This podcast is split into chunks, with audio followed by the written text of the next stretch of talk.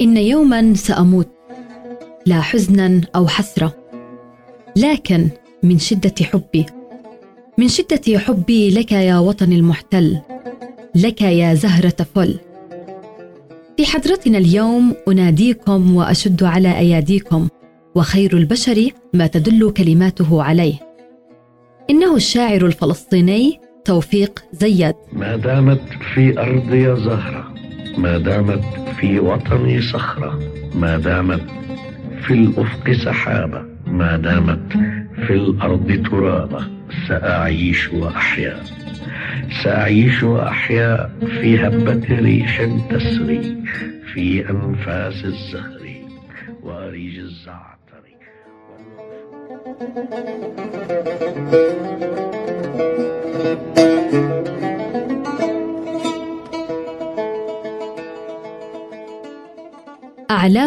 ورموز. حلقات بودكاست على أزدام بودكاست. حول أدبائنا ورموز تاريخنا وقضيتنا. وفي ضيافتنا اليوم الشاعر توفيق زياد.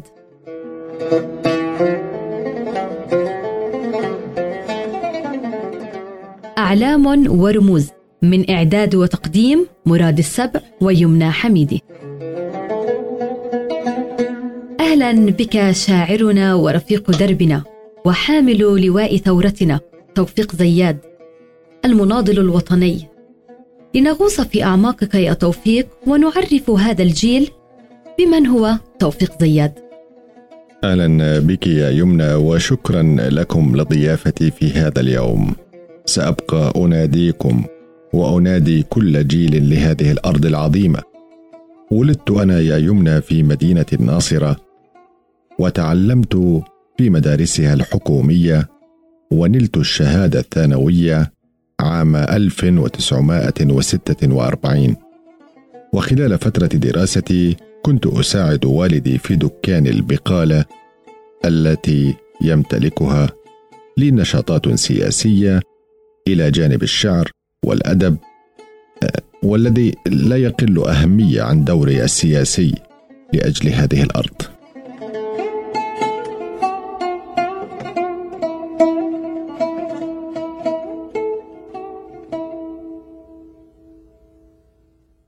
لا زالت يا توفيق ملامح صوتك وملامح شعرك تغزو كل جيل عاصرك وعاصر ثورتنا الأولى. إلى أن انتقلت إلى هذا الجيل الجديد.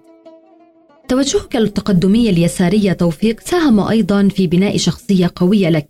كيف؟ نعم نعم يا يمنى. تأثر توجهي السياسي التقدمي بأفكار ثلاثة من أساتذتي. هم آه، رشدي شاهين وجمال سكران وفؤاد خوري.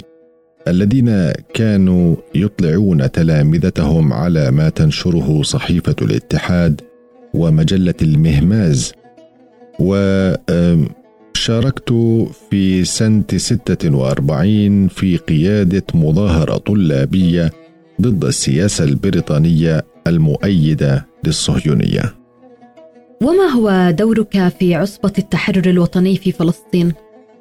عصبة التحرر الوطني. نعم آه، انتسبت يا يمنى قبل وقوع نكبة فلسطين إلى فرع الناصرة لهذه العصبة التي تشكلت عام 44 وضمت الشيوعيين العرب الذين انفصلوا عن رفاقهم اليهود في الحزب الشيوعي الفلسطيني.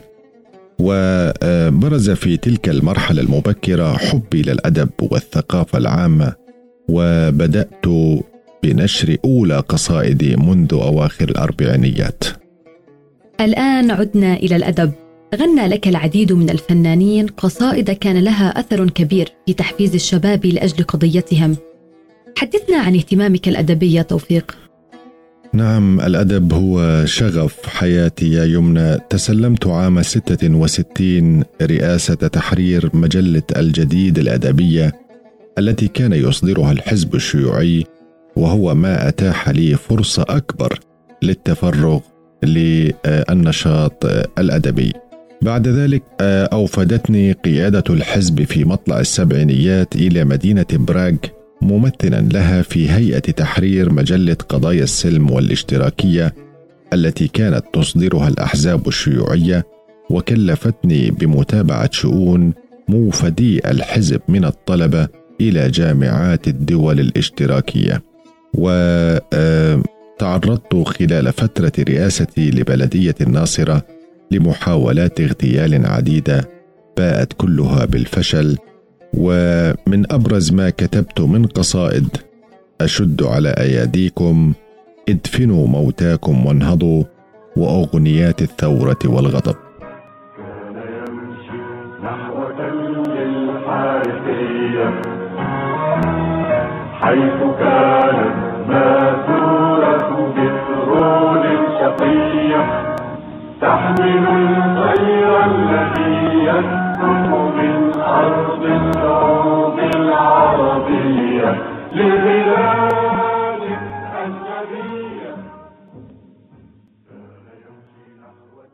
توفي شاعرنا توفيق زياد عام 94 جراء حادث سير وهو في طريق عودته من مدينة أريحة. بعد مشاركته في استقبال الرئيس ياسر عرفات رحم الله شاعرنا توفيق زياد وإلى لقاء آخر من أعلام ورموز. وعلينا كان أن نشربه حتى الزجاج كأسنا المر المحنى. وعلينا كان أن نذبح ذبحا كالنعاش ساعة التاريخ جنا وعلينا كان أن نهرب سربا من دجاج. ونحس العار حتى العظم